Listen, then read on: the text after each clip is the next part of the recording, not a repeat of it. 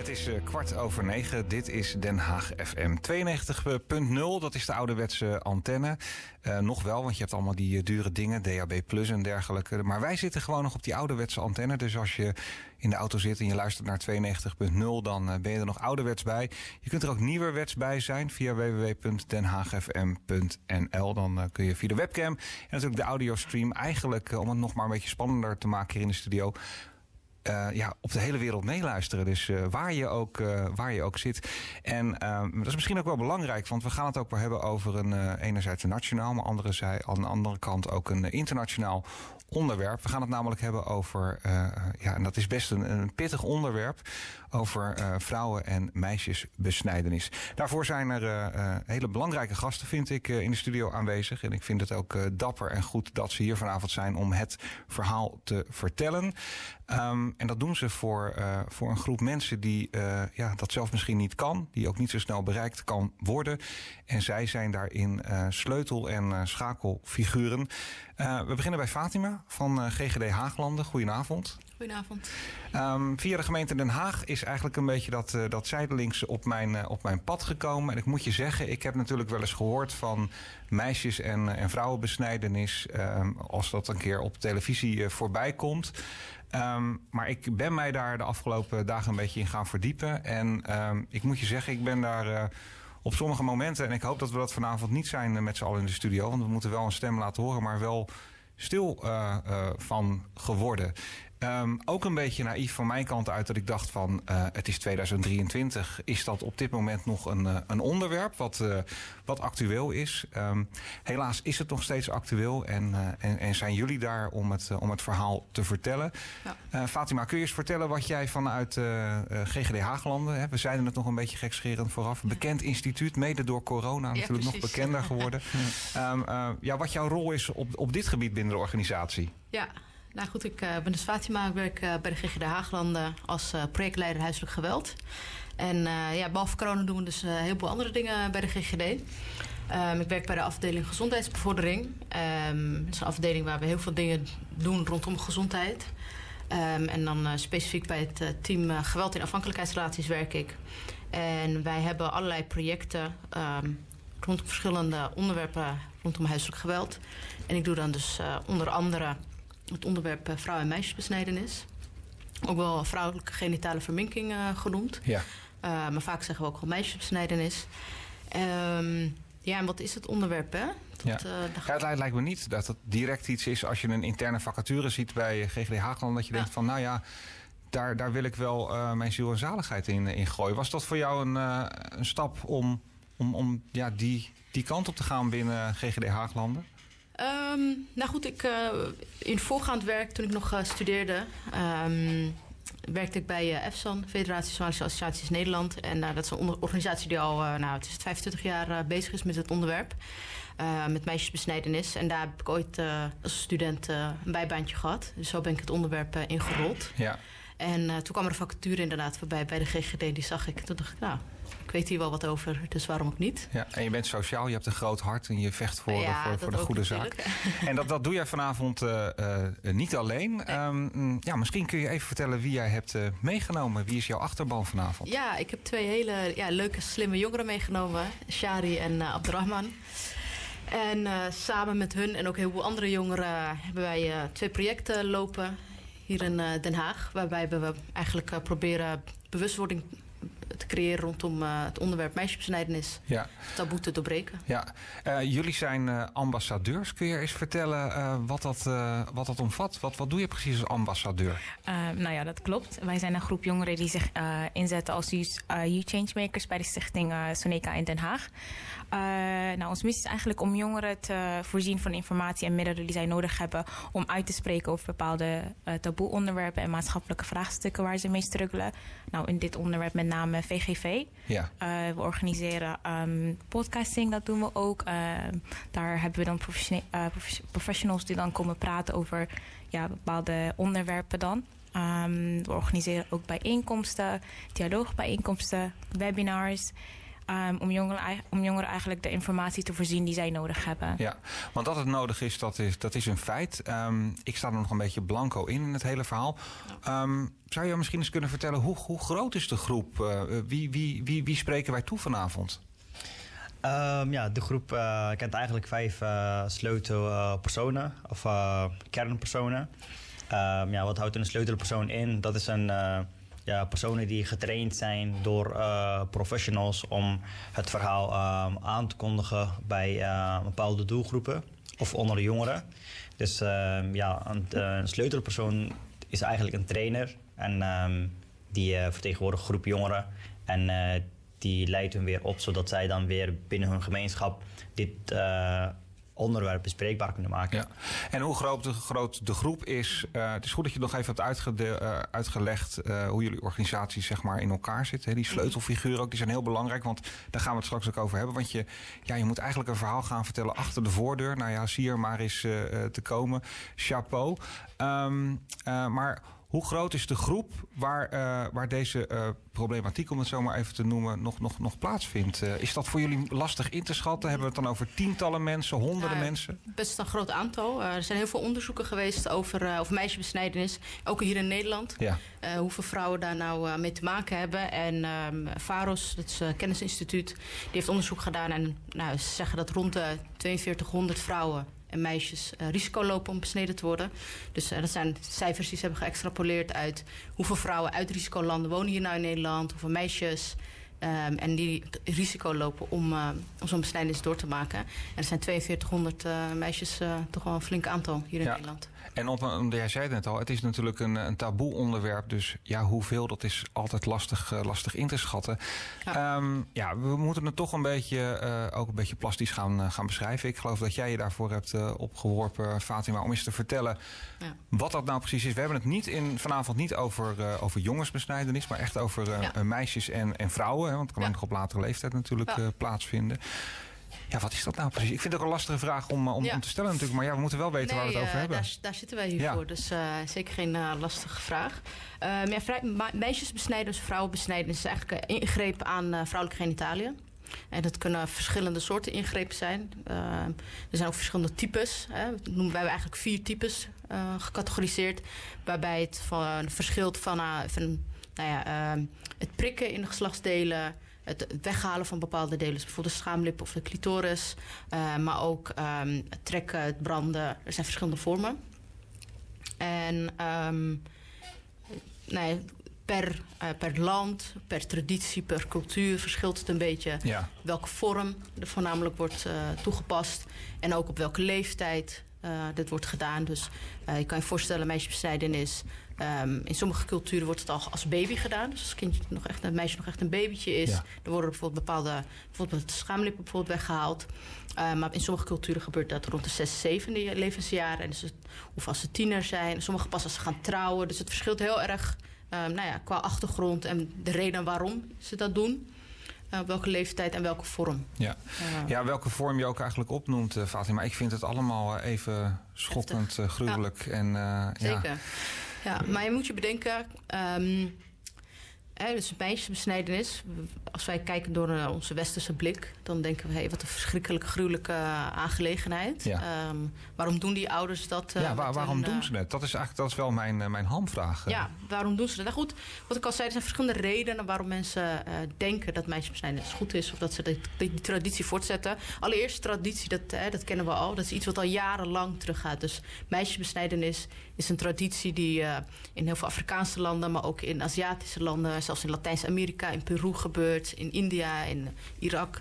Um, het gaat jaren terug, zelfs tot in de tijd van de farao's. Ja, dat vertelde je, zelfs in het oude Egypte. Ja, ja, zelfs in het oude Egypte. En een van de vormen van, uh, van meisjesbesnijdenis wordt ook wel de faraonische manier genoemd, type 3. Um, ehm, omdat dat de manier werd, was de, in die tijd ook werd gedaan. Um, en de redenen kunnen zijn dat men vindt in een gemeenschap dat een meisje pas rein of hè, schoon of mooi is als ze besneden is.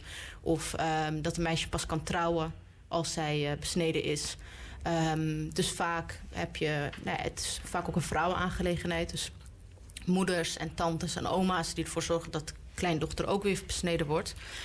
Um, en vaak krijgen we ook de vraag van, goh, Hè, die moeders en die oma's en tantes hebben natuurlijk zelf doorgemaakt. Waarom doen ze hun dochtertje din- Ja. dit aan? Ja. Ehm, nou, vaak zeg ik dan, ze doen het uit liefde. Ze willen dat hun dochter geaccepteerd wordt door de gemeenschap. Dat ze onderdeel is van de gemeenschap. Dat ze niet eh, afgestoten wordt of gepest wordt, noem het maar op. Dus zij denken, nou, hè, wij hebben het doorstaan. We hebben goed leven.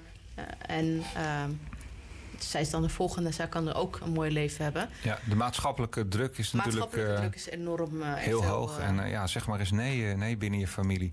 Ja, als we dan naar de, naar de ambassadeurs gaan. Jullie spreken veel jongeren. Hè? Het gebeurt ook nog wel op laatgeleefden, maar voornamelijk ook, ook jongeren. Of nou ja, jonge vrouwen die het op, eh, op vroege leeftijd hebben meegemaakt. En nu tegen allemaal problemen aan, aanlopen. Kun je eens vertellen... ehm, ja, wat, wat voor verhalen horen jullie? Eh, wie, wie van jullie twee kan dat eens vertellen? Wat voor, wat voor persoonlijke verhalen horen jullie? Want het, het heeft in eerste instantie op jonge leeftijd natuurlijk een enorme impact. Maar wat doet het met iemand Ja. die jullie spreken op latere leeftijd? Eh, dat is een eh, hele goede verhaal, omdat het verhaal in principe bij de gemeenschap heel erg gedoogd wordt. Ehm, mensen praten daar niet graag over.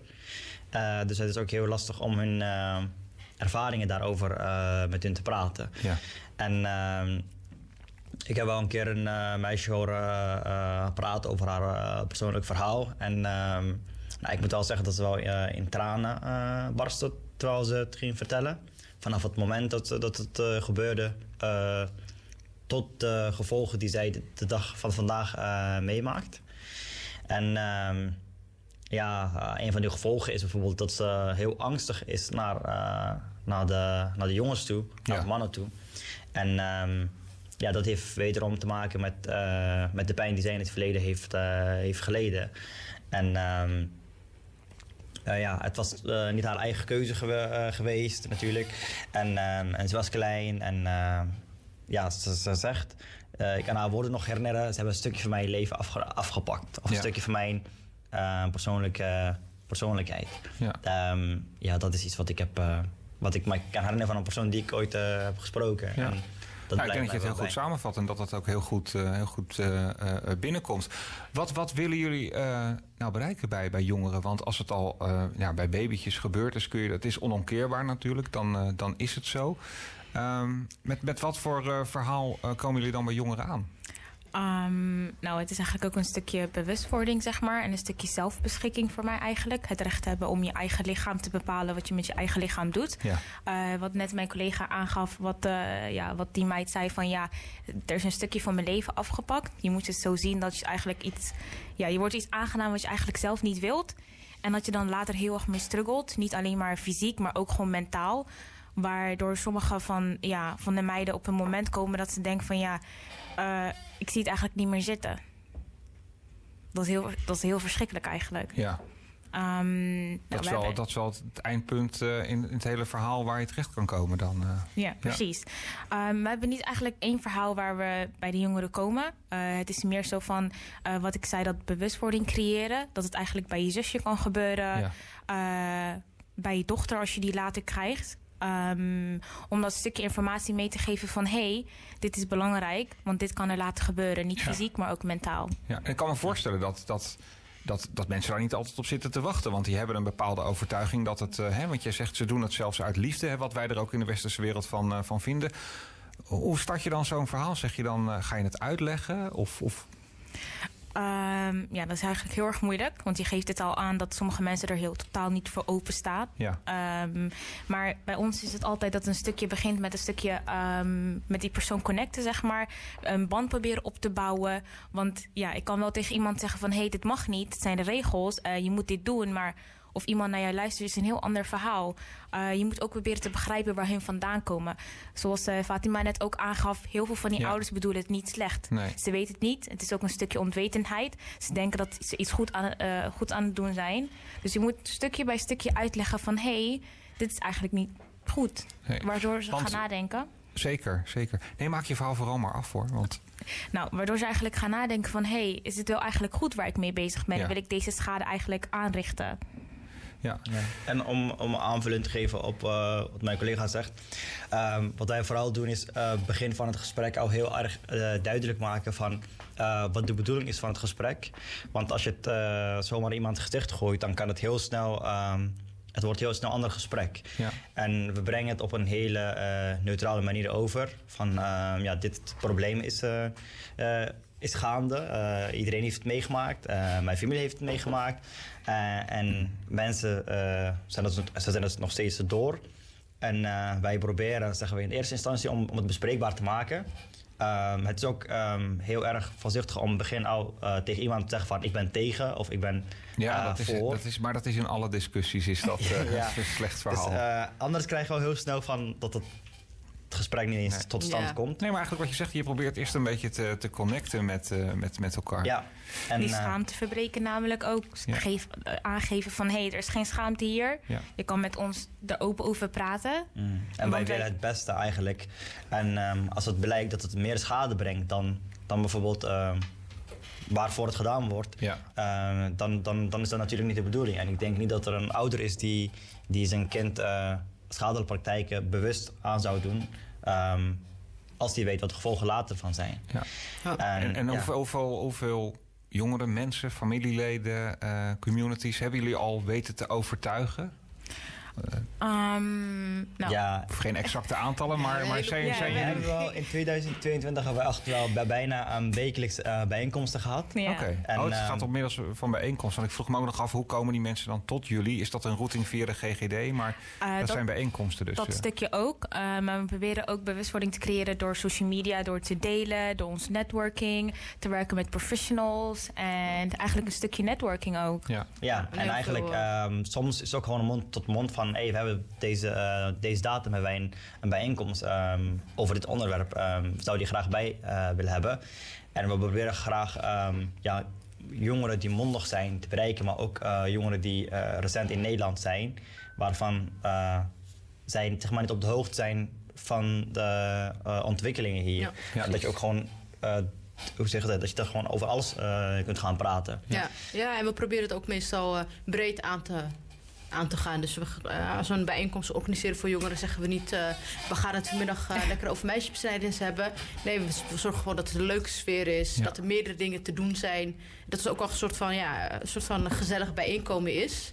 En, Eh, en gaat het dan nog een beetje, want ik kan me voorstellen dat, ze, eh, dat die meiden niet willen dat de familie het weet. Is dat dan allemaal een beetje in het geheim? Nee, dat, dat dan, nee eh, zeker niet. nee? En het is overigens niet alleen meiden. Dus we, we proberen echt jongens en, eh, en meisjes te bereiken. Oké, Ehm, ook de sleutelpersonen. Zijn, eh, we hebben ook een ou- oudere generatie die al ja, sinds eh, 2007 dit Ja. werk eh, doen. Ehm, dus we proberen zowel de ouders als de jongeren te bereiken. Ehm, Heel breed en ook heel neutraal en heel open. Dus we, we doen, we proberen niks zeg maar, een soort van in het geheim te vertellen. En wat we vaak doen, we hebben sleutelpersonen. Hè, dus dan de, wat de oudere leeftijd.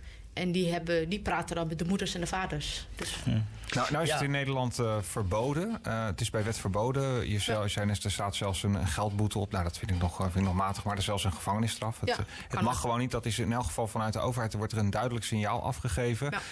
Ehm, gebeurt het in Nederland eh, nog? Dan gaat dat Ehm, natuurlijk niet in het medisch traject, maar dan gebeurt dat ergens eh, in een huiskamer. Of, Nou ja, we hebben nog niet. We hebben in Nederland nooit eh, bewijs gehad. We hebben nog nooit een geval gehad waarbij we konden bewijzen dat het. eh, dat lijkt goed Dat nieuws, het- maar ja, Ja. goed. Wat je niet weet, weet je niet. Nee. Dat is natuurlijk heel ingewikkeld. Ehm, dus er is in ieder geval niet een geval geweest waarbij duidelijk was: hé, er is hier in Nederland ehm, een meisje besneden. Wat we wel nou ja, vaker hebben gehoord dat er in het buitenland. ehm, dus dat mensen kind meenemen naar het land van oorsprong en het Ja. daar eh, laten op, doen. op visite bij familie en dan, dan gebeurt het. ja, eh, in de zomervakantie.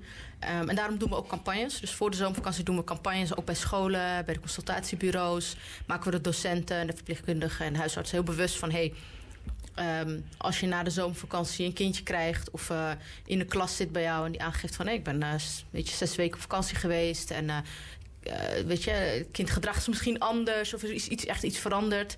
Van wees daar alert op. Maar we geven ook de ouders ehm, nou ja, informatie mee. Ja. Ehm, we geven ze wel eens een verklaring die we hebben gemaakt. Die zijn in volgens mij iets van acht of negen talen. Arabisch, Somalisch, eh noem het Tigrinya. ehm, uitgegeven. Dat is een verklaring waar heel duidelijk in staat dat het bij de wet in Nederland verboden is. Niet alleen als je het in Nederland doet, maar ook in het buitenland. Ook als het door iemand anders wordt uitgevoerd. Ehm, en dat geven we dus mee aan de ouders. Dat er de geldboete van bijna 40.000 euro en een zelfstraf van bijna 12 jaar eh, kan krijgen. En dit geven mee aan de ouders, zodat Ja. ook de ouders zichzelf kunnen beschermen. Terwijl eigenlijk het, het morele deel eigenlijk meer zou moeten overtuigen nog dan een, eh, dan een, dan een geldboete. Nee, maar het helpt wel de ouders als jij naar het buitenland gaat. en je gaat bijvoorbeeld, eh, je wilt dat je kinderen hun oma ontmoeten. Ja. En je gaat terug naar het, naar het dorpje waar je van oorsprong komt. Ehm, en oma die, die heeft een hele ander perspectief van dingen. En die zegt van ja, hé, je dochter is al eh, Ja. zes, zeven jaar. Je moet het toch een keertje gaan besnijden. Die verklaring in haar eigen taal helpt wel om tegen oma te zeggen... hé, maar mam, als ik eh, mijn dochters laat besnijden... en ik straks terug naar Nederland ga, dan verlies ik mijn kinderen. Ga, dus ga ik de cel in. Hebben we heel veel problemen. En dat wil oma ook niet. En dat geeft de ouders een beetje een soort van ammunitie... om die druk van, van familie en de gemeenschap tegen, tegen te gaan. Ja, en ook eh, om aanvulling te geven van eh, wat Fatima zegt. eh, het gebeurt vooral in het buitenland. Maar ehm, wat, wij, wat zij begin ook aangaf is... dat wij doen niet alleen de jongeren, maar ook de ouders. Maar we doen het afzonderlijk. De ene keer doen wij- de jongeren, de andere keer eh groep volwassenen. En de volwassenen, je stelt meer op de hoogte van... wat de gevolgen zijn op het moment dat zij... eh, hoe zeg dat, betrapt worden met deze praktijken. Zelf eh, als je medeplichtige bent aan VGV, eh, ben je alsnog strafbaar. Dus niet alleen maar niet uitvoeren, maar ook medeplichtige. Nou, op het moment dat je daar nu op de hoogte stelt, wat er gaat gebeuren is... ze stellen dan ook bijvoorbeeld die oma's in dit geval niet de, gelegenheid om dat te gaan doen. Dan gaan ze gaan bijvoorbeeld wat korter op vakantie, zodat het niet uitgevoerd kan worden. Dat is een goede tip alvast. Ja, het is een pre- preventief eh, maatregel, eh, Ja, is het. En eh, daardoor kunnen wij, zeg maar, als wij eh, de ouders op de hoogte stellen, eh, ze kunnen dan een soort van eh, ja, vermijden. Ja. En we, geven ook, we proberen ook echt hun te beïnvloeden van, ehm, ja, hoe zeg je dat? Ze hebben vooral hele verkeerde eh, opvattingen over het VGV, het voordelen ervan, Ja. waarom ze het doen. En wij proberen ook dat soort van een nuance daarin te krijgen. Door bijvoorbeeld eh, met eh religieus leiders met hun in gesprek te laten gaan. Of religieus leiders als eh, gastsprekers te hebben. Ehm, dan denken ze toch van oké, ehm, ja, misschien is het niet zo helemaal. Het is een, eh, een, een aangeraden. Ehm, ja, we proberen zo eigenlijk een beetje te beïnvloeden. Ja, het is ook een stap voor stap. hè. Je kan niet verwachten dat iemand die eh, al die jaren heeft geloofd dat dit goed, een goede pra- praktijk is, na één gesprek met jou denkt van nou weet je wat, ik, ik stap er vanaf en ik doe het niet meer. Ehm, dat heeft tijd nodig. Je moet meerdere gesprekken voeren. Ehm, en inderdaad, wat Abdrahman ook zegt, eh, als iemand bijvoorbeeld overtuigd is van dit is een religieus aangelegenheid, ja, dan laten we een religieuze eh, leider hierover spreken en uitleggen dat het niet eh, hoeft vanuit de religie. Ja. Ik zag aan de andere kant volgens mij nog een, een hand ja, omhoog gaan. nou, met, om even op terug te komen wat eh, mijn collega zei, even daaraan eh, zeg maar aanvullen. Ehm, nou, wij hebben ook een groepje dames, die dan eh, die moeders zijn dan, eh, waar we ook eh, training aan geven. En eh, hun eigenlijk de informatie voorzien van eh, VGV. Ehm, het is niet ook altijd dat stukje bang maken van hé, hey, je krijgt een boete of je gaat de cel in als je dat doet. Maar ook dat stukje te laten zien van ehm, dit is niet goed. Wil je dit eigenlijk voor je kind überhaupt? Wil je dat je kind eigenlijk later mentaal en fysiek gaat struggelen, weet je? Waardoor ouders zelf gaan nadenken van oké, eh, ben ik eigenlijk wel goed bezig? Ehm, ben ik wel eigenlijk als ouder mijn kind ehm, Aan het beschermen. aan het beschermen, ja. Ja, heel goed wat je zegt, want je hebt het over het, eh, het mentale deel. Nou, daar hebben jullie net allebei uitgebreid iets over verteld. Ik ook een, een persoonlijk verhaal. Dat het heel moeilijk is om dat te te horen, dat er ook veel schaamte zegt, een taboe, maar dat dat, dat, dat meisje in dit geval helemaal brak. Maar dan kom ik bij jou, Fatima. Want het, eh, hè, wat jij al zegt, het, eh, het fysieke deel, dat is ook heel groot. Hè? Want eh, jij vertelde, dan komt er wel eens iemand bij een huisarts met, eh, met blaasproblemen. Ja. En dan wordt dat eigenlijk een beetje onderschat. Of dat leeft ook niet natuurlijk bij, bij huisartsen Ja. ergens hier in de polder. Wat is daar aan de hand? Want kun je eens vertellen wat, los van het, eh, van het, van het, het geestelijk deel, Mhm. wat, wat verschrikkelijk is en wat je hele leven bij je blijft. Maar wat er ook lichamelijk allemaal met je kan gebeuren. Ja, zeker. Kijk, eh, er wordt natuurlijk schade toeberokkend aan een, aan een onderdeel, een gezond deel van het lichaam. Hè. Er wordt ingeknipt of gesneden, noem het maar op. Ehm, wordt soms op een hele primitieve manier eh, dichtgehecht, waardoor de vrouw veel problemen kan krijgen. Ehm, eigenlijk moet je een beetje denken aan alle fases van waar een, een meisje doorheen gaat. Dus bij puberteit, eh, eerste menstruatie. Je kan je voorstellen dat als het helemaal dichtgenaaid is, dat de menstruatie ook heel moeilijk vrijkomt, waardoor je vaak, vaak kans op infecties hebt. Maar ook later, ehm, eh, als de gemeenschap heeft, eh, dat is pijnlijk. Bij de bevalling. Bij de bevalling vervolgens, de volgende fase, als ze zwanger raakt, eh, bij de bevalling. Dus er zijn heel veel complicaties. blaasontstekingen, ehm, onvruchtbaarheid. moeilijkheden bij, bij, zwanger worden, maar ook bevallen. Dus het zijn, er zijn heel veel voor problematiek. Ja, ik wil ook nog even wijzen op het feit dat, uh, dat mensen die nu luisteren sowieso natuurlijk bij uh, eh, eh, GGD Haaglanden terecht kunnen. Ja, zeker weten. Maar ook Veilig Thuis biedt daar natuurlijk een, een onderdeel in. Ja. Dat is echt voor als je ja, echt geen uitweg meer ziet en je denkt... Ja, ja Veilig Thuis is eigenlijk ja, het meldpunt van huiselijk geweld ja. um, en kindermishandeling. En um, meisjesbesnijders wordt ook gezien als een vorm van kindermishandeling. Dus uh, mocht iemand in een situatie zitten waarvan ze uh, bijvoorbeeld acht bang zijn dat, dat ze dit door gaan maken. Ja. Of uh, je hebt het vermoeden dat een meisje zal worden besneden. Dan kan je zeker weten contact opnemen met, met Veilig Thuis. Ja. Zij kunnen daarin helpen. maar ook voor de vrouwen die al besneden zijn. En die bepaalde klachten hebben die ze niet kunnen plaatsen. Die kunnen ook langs bij het nazorgspreekuur. we hebben een nazorgspreekuur bij het Haga ziekenhuis. En op iedere maandag Ehm, zit daar een verpleegkundige en ook een gynaecoloog. Um, verpleegkundige die um, Arabisch, Nederlands, Engels, Somalisch spreekt. Dus dat helpt ook dat ze meerdere talen spreekt. Ja.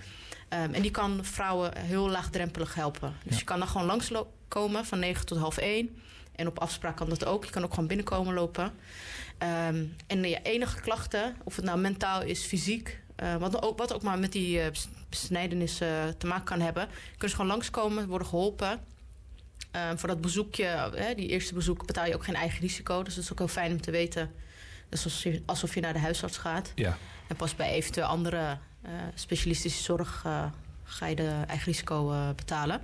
En zij kunnen je dus dan helpen. Dus of het nou is een, een urineweginfectie die continu terugkomt... of bijvoorbeeld sommige vrouwen die willen um, een hersteloperatie. Dus hè, dat ze geopend worden. Um, er is zelfs een mogelijkheid tot een reconstructie... Er zijn een aantal ziekenhuizen in Nederland die dat doen. Uh, waarbij er geprobeerd wordt, uh, eigenlijk een soort van plastische chirurgie, um, geslachtsdeel weer enigszins ja. te laten lijken zoals het was. Fijn dat dat kan. Ja, ja dus er zijn heel veel mogelijkheden. Um, en bij het nazorgsgesprek is er dus echt een verpleegkundige die hier gespecialiseerd in is. En die, uh, die je gewoon kan helpen. En die contactgegevens kan je ook gewoon vinden op de website uh, ja. van de GGD. Ik denk dat, uh, dat, dat, ja, dat, dat jongere ambassadeurs, jonge ambassadeurs, een groep heel goed kunnen, kunnen aanspreken. op het moment dat mensen straks vanaf morgen gaan googlen, zou het zomaar kunnen zijn dat ze op deze podcast terechtkomen. Ja, um, absoluut. Ja, dan, dan uh, hè, als je het hebt over achter de voordeur terechtkomen, wij, wij kunnen dat. Als iemand nu met, uh, met de oortjes in uh, weken later een keer ergens in de metro zit, dan zou die dit gesprek kunnen, kunnen horen. Ook, ook jonge vrouwen. Um, jij gaf net bijvoorbeeld het voorbeeld van, stel dat, dat jouw zusje dit gaat overkomen. Je kunt het nog voorkomen. Wat, het lijkt me heel lastig, maar stel dat iemand dit nu straks terugluistert. Wat, wat zou je dan voor advies willen geven? Wat kan iemand dan op dat moment doen als die weet dat er misschien toch een lange vakantie plaats gaat vinden en dat het zusje het misschien toch gaat ondergaan? Um, ja, dat is eigenlijk een heel goede vraag. Um, nou, jongeren kunnen altijd bij ons terecht een berichtje sturen of wat dan ook. Het uh, ligt er altijd wel aan, uh, aan de leeftijd, op welke leeftijd je zit. Ja. Um, maar ja, het is wel heel erg moeilijk als jong zijn om ergens in een organisatie te stappen en te zeggen van hé, hey, mijn ouders gaan mij meenemen en ik weet dat het gaat gebeuren. Hou ze maar tegen. Um, ja. Hoe, hoe, kunnen ze jullie bereiken überhaupt? Stel dat ze toch met jullie over van gedachten zouden willen wisselen. Hoe, hoe, hoe kunnen ze met jullie in contact komen? Nou, wij, de Stichting Soneca, heeft een eigen website. Daarnaast hebben wij een eigen social media kanaal, de Changemakers. We hebben een Instagram, we hebben een LinkedIn. Uh, daar kan je ons van altijd een berichtje sturen van... hey, mm -hmm. uh, ik zit hiermee en ik zou graag hulp willen. Uh, wij hebben een heel groot netwerk van professionals... die wij kunnen eigenlijk inschakelen van... dit is eigenlijk aan de gang, wat kunnen wij het beste doen? Ja. Maar je zegt eigenlijk, uh, en misschien kan je daar ook wat over, over vertellen. Uiteraard dat als er tickets klaar liggen en iemand ja, luidt een noodklok, dan wordt het heel lastig voor jullie om daar nog iets uh, ja, in te ik denk dat, dat je dan op dat moment echt... Um, allereerst, kijk, iemand die in zo'n situatie zit... probeer eerst iemand te vinden die vertrouwt. Waarbij je vertrouwd voelt en je ei kwijt kan. Dat is ja. het makkelijkste. Hè? Het is veel makkelijker om misschien met je docent op school... of, of een lieve buurvrouw of een kennis uh, hierover te spreken. Is het echt nood, dan zou ik zeggen... bel veilig thuis of de politie. Ja. ja. Um, ja. Uh, ja, om aanvulling te geven op wat mijn collega's zeggen voor jongeren. Um, jongeren zijn heel erg uh, te bereiken via social media. En we, zijn ook, we zitten ook op social media. Uh, op het sociale medium. En um, ja, je kunt het gewoon ons berichtje op sturen op, op Instagram. Um, youth Changemakers. Dus youth, jeugd in het Nederlands. Dan Changemakers. We zullen onze gegevens achterlaten. en dan kun je ons gewoon daarmee uh, ja, connecten. Ja. Uh, wij hebben het netwerk waar je dan uh, terecht kunt gaan. Of En je- jullie juist eh, doorverwijzen naar de ja, juiste afdelingen die jou uh, Ja, en. Soneca is niet per definitie Nee. alleen maar voor mensen uit Somalië, toch? Nee, nee, eh, nee, nee. Voor, voor iedereen. Ja, Ja. precies. Wij hebben zelf een, eh, ja, een kantoor in Den Haag. Mocht je in Den Haag of in de omgeving eh, wonen en denken van... hé, hey, ik wil persoonlijk met iemand praten, kan je altijd bij ons binnenlopen. Er zijn spreekuren. Na spreekuren kun je ook in alle tijden gewoon binnenlopen van... hé, hey, ik heb hulp nodig. Ja. En eh waar gaan je ja, dan helpen? is natuurlijk ook, eh, breder, eh, ook breder onderwerpen dan eh, meisjesbesnijdenis. En als je zegt van ja, ik wil een keer een voorlichting bij mij op werk, of ik, eh, ik ben docent op een school, of ik wil hier meer over weten. Ja. We hebben een heleboel sleutelpersonen, eh, jongeren, maar ook oudere mannen en vrouwen.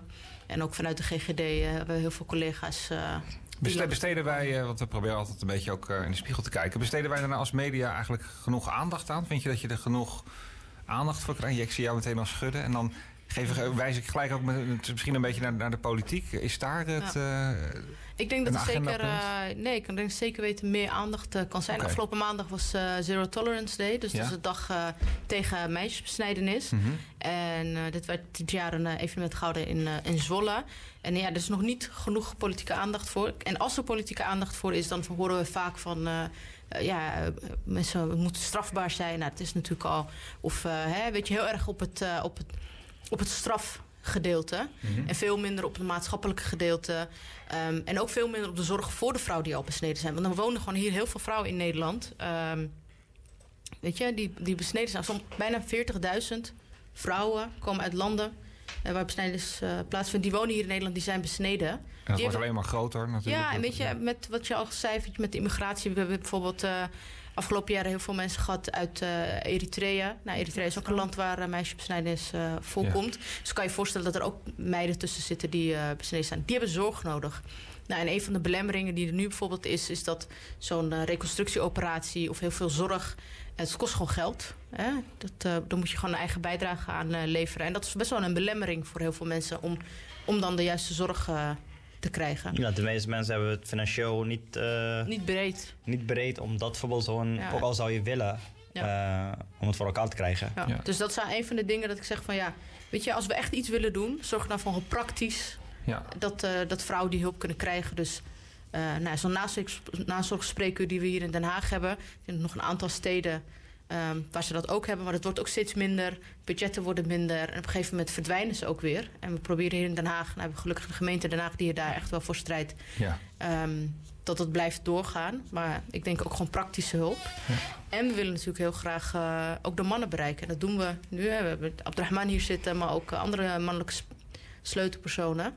Eh, die hebben ook een grote rol hierin. Ja. Ja, ik kan me voorstellen dat, dat in, de, in de regio Rotterdam, Rijnmond en, eh, en Haaglanden... dat daar eh, de concentratie wellicht het grootst is. Maar eh, ja, dat er ook iemand in Drenthe kan zitten die nu denkt van... ja, ik heb Zeker. daar helemaal geen inloopspreekuur en ik zit er maar Nee. alleen en ik, Nee. ik kan Er nergens zijn terecht. overigens best wel veel GGD die wel iets ermee doen. Ik denk dat we hier in Den Haag wel een van de grotere GGD's zijn... die echt heel uitgebreid met het onderwerp bezig zijn. Mhm.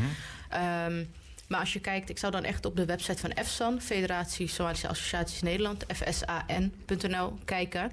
Daar staan alle nazorgspreekuren op. Ehm, daar staan ook eh, heel veel organisaties op in heel, door heel Nederland die hier iets mee doen. Ehm, dat helpt erg. En EFSAN is eigenlijk een van de organisaties die eh, sinds jaar en dag al echt strijdt met dit onderwerp. Ook alle trainingen geeft Ja. aan eh, sleutelpersonen, trainingen geeft aan eh, de professionals, artsen, verpleegkundigen, noem het maar op. Ja. Maar het is goed om te zeggen dat, eh, dat er best wel meer aandacht mag zijn in de media Zeker. voor, de, voor dit onderwerp. Dat gaan wij hier zeker. nou, ik heb nu mijn schuld een beetje ingelost. Zeker wat, wat breder, breder dragen. Ik moet je ook echt eerlijk zeggen dat, dat, dat het ook heel erg belangrijk is. En dat het voor mij ook ja, verrassend is dat dit nog steeds iets is wat, wat heel erg leeft. En ja, wat alleen maar ook misschien nog maar een groter probleem kan, kan, kan worden. Ja. En, En ik denk wat ik nog zou willen toevoegen is. ehm, nou ja, wij- hadden hier vooral een beetje een voorgesprekje. En wat, Ja. en wat ik heel fijn vond, die was gewoon heel open. En van, ik ben gewoon benieuwd naar wat het is. ja, zeker. En ja. op die manier er ook mee om te gaan. Ehm, en niet heel. Nou ja, we hebben ik heb wel eens meegemaakt met media die dan heel erg van, nou ja, maar eh, ben je dan zelf besneden en hoe zit dat dan? En heel erg op de persoon gaan spelen. Ehm, nee, dat, was, dat was niet uh, de, de intentie nee, van precies, dit... ga gewoon met de open blik ja. van wat is het nou? Um, en kijk, doe er gewoon een beetje onderzoek naar. Ja. En dan leer je echt heel veel erover. Nou, ik heb nu al ontzettend veel, ja, ontzettend veel geleerd. Dus uh, super fijn dat we daar gewoon hier uh, over straks, Dat is een stukje media, straks een stukje politiek. Ja. Um, nou, ook om een stukje bij toe te voegen van... je hoeft niet altijd in contact gekomen zijn met VGV... om eigenlijk daar zich over te kunnen uitspreken. Um, het is gewoon een schending aan een mensenrecht. Ja. Um, kijk, het hoeft, jou niet te het hoeft niet jou te gebeuren, maar het kan wel iemand in jouw omgeving of iemand die jij lief hebt. Ik zou zeggen, doe er wat mee. Uh, volg een uh, voorlichting of wat dan ook, zodat je meer over de informatie weet en anderen om jou heen kan informeren. Ik zou iedereen willen aanraden om sowieso even te kijken op. Ik heb hem hier al direct even opgezocht. Uh, met een, uh, met een C. Ja. Um, daar komt uh, veel meer voorbij. Ook het laatste nieuws zie ik. Het is een actuele website. Wat dat betreft slaat een brug tussen Somaliërs en de rest van de Nederlandse samenleving. Laten we ook hopen dat het andersom ook plaatsvindt. Ja. Dat is belangrijk. Dan leren we elkaar ook een beetje begrijpen. Zeker. En ook ja, dit soort nieuwe dilemma's die ook in Nederland op het pad komen. Dat we die ook een beetje leren, leren begrijpen. Um, ja, het stukje, stukje politiek. Je zegt uh, GGD Haagland is hier, uh, is hier goed bezig. We hebben een goede samenwerking ook met, uh, met de gemeente ja. Den Haag. staat het voldoende op de politieke agenda dan een beetje in de breedste zin van het woord... als we landelijk kijken? Um, nou, ik denk dat het wel beter kan. Kijk, we hebben bijvoorbeeld hier in Den Haag hebben we een aanpak. de afgelopen vier jaar hebben we heel erg hard gewerkt aan aanpak meisjesbesnijdenis... waarbij we op verschillende manieren dit onderwerp bekijken. Dus we kijken zorg voor vrouwen die al besneden zijn, maar ook naar de preventiekant. Hoe bereiken we de jongeren? Hoe bereiken we de nieuwkomers? Dus aan alle kanten proberen we dat uh, te doen. En ik zou eigenlijk graag willen dat het ook landelijk op die manier um, daarna gekeken wordt. En niet alleen wat ik net eerder al zei, alleen de strafkant, maar echt voor zorgen. Hoe kunnen we zorg bieden voor de vrouwen die al zijn besneden? Hoe zorgen we dat al die mensen die nieuw zijn in het land meteen de juiste informatie krijgen, meteen te horen krijgen waar ze hulp kunnen krijgen als mochten ze dat nodig hebben. Ja. Maar ook uh, weet je, organisaties die al heel lang dit onderwerp levend houden. Um, die ook de juiste steun geven, de juiste tools geven. Ja, en, en dat er ook een beetje besef komt, denk ik, dat je het een leven lang met je meedraagt. Want ja. het is enerzijds uh, de ingreep, aan de andere kant uh, ja, de, de, fysieke problemen die je misschien gaat ondervinden, maar ook uh, uh, de geestelijke gevolgen. En, ja, en wat opmerkelijk blijft, is dus dat die cirkel dan, als je dat dan zelf hebt meegemaakt, ja. dat je die dan niet kan doorbreken. Dat dat dan zo, zo, zo ja. moeilijk nee, blijft. Dat, je denkt, ja, ik heb het zelf meegemaakt en dan ga ik het mijn dochtertje weer aandoen. Precies, dat is het ook. Het is echt een cirkel die blijft doorgaan. En dat is ook een van de redenen waarom we heel specifiek met jongeren zijn gaan werken. Dus we zijn, vanaf, wat ik net al zei, vanaf 2007 zijn we hier in, uh, in Den Haag en eigenlijk Haaglanden regio bezig met dit onderwerp.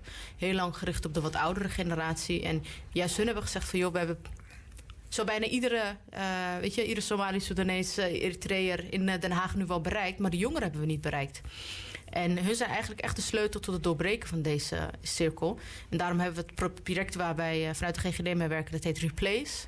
Dus het vervangen in het Engels Ja. betekent dat. En we willen eigenlijk deze uh, praktijk, deze schadelijke praktijk, vervangen door iets beters, iets nieuws. En we willen echt dat de samenleving vanuit de gemeenschap zelf die verandering komt. Ja.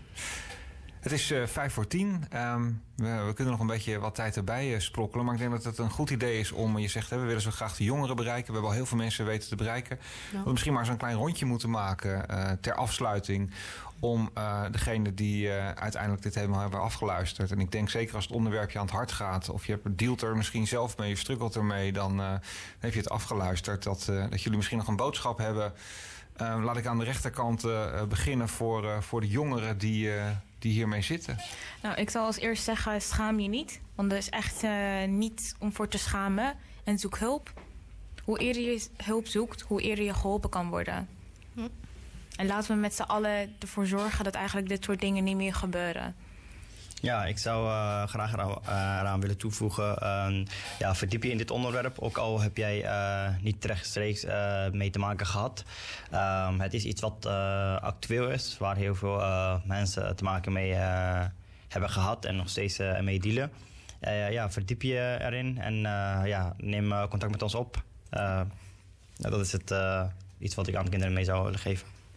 Tot slot, Fatima van GGD Haaglanden. Ja, nou ja, goed. Uh, Abdurrahman en Shari hebben al heel goed uh, de jongeren en, en, en de burgers toegesproken. En ik zou mijn collega's willen toespreken en zeggen van verdiep je. Weet je, je kan via de GGD allerlei cursussen volgen en voorlichtingen. verdiep je in het onderwerp. kijk hoe je met, in gesprek kan gaan met, met vrouwen en meisjes hierover. En ook vaders en jongens. En probeer gewoon in te zetten om, om deze traditie te stoppen. Ja.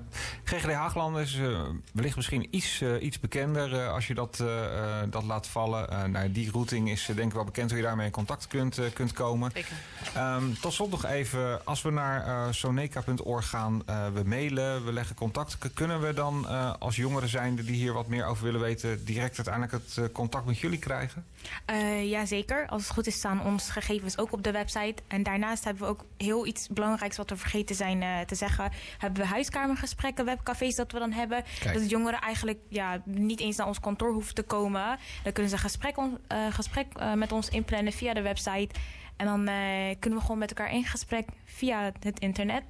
Um, dat is natuurlijk heel erg fijn uh, als je niet mensen om je heen wilt of je wilt niet fysiek uh, naar iemand toe. Want ja, je schaamt je namelijk. En dan kunnen wij via het webcafé met de jongeren of de mensen die dat meegemaakt hebben, samen in gesprek gaan. Kijken wat voor hulp we kunnen bieden. En eventueel doorverwijzen naar professionals. Ja, dan ga je ook worldwide bijna, want dan zouden zelfs mensen uit Somalië jongeren Ja, dat is de bedoeling eigenlijk. We hebben alleen het publiek nodig en die proberen we nu te bereiken. Ja, dan heb je Change ja. the World. Uh, Zeker. Ja, Youth Changemakers. Dat is de motto. Ja, je, kunnen verandering brengen. Ja, als je de website bezoekt, dan uh, die is ook gelinkt aan ons social medium. Dus uh, op sociale media. Daar, uh, als, als je bijvoorbeeld ons rechtstreeks wilt aanspreken, dan kan je gelijk via onze social media. Maar dan, dan word je ja, gelijk eigenlijk opgepakt en dan ja. hebben we snel contact. Ik zou zeggen, aarzel niet. Hoe langer je ermee zit, hoe meer je ermee gaat struggelen. Ja. Ik dank jullie allemaal wel. Dank u wel. En wel thuis. Ja, Fijn te be here.